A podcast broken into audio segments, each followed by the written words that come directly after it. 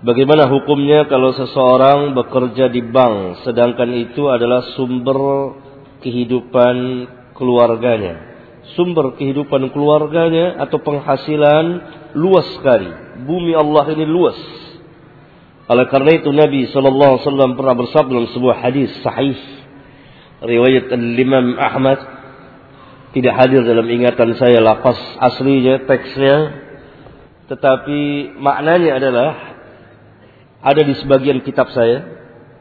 Barang siapa yang meninggalkan sesuatu karena Allah lillah, Allah akan menggantikan yang lebih baik.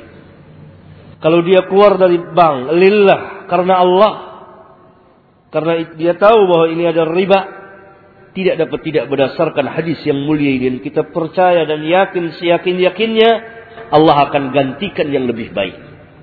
Dan itu terjadi. Saya menyaksikan sendiri sebagian kaum muslimin ketika dia bekerja di satu pekerjaan yang sangat menyulitkan dia untuk sholat lima waktu, apalagi berjamaah, sholat Jumat dan lain-lain. Dan itulah kerjaannya. Dari situ dia makan. Tapi karena dia seorang yang taat, dia harus keluar dari pekerjaan ini. Keluar dia.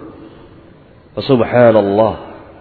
Allah gantikan yang jauh lebih baik. Sehingga dia punya penghasilan dan sekarang boleh dikata pemuda ini cukup. Ada rumah, ada kendaraan dan seterusnya dan seterusnya. Sadaqa Rasulullah sallallahu alaihi wasallam. Benarlah apa yang Rasulullah wasallam sabdakan. Tidak seorang pun meninggalkan sesuatu lillah karena Allah semata maka Allah akan gantikan yang lebih baik. Allah akan gantikan yang lebih baik. Karena semuanya harus lillah wa fillah.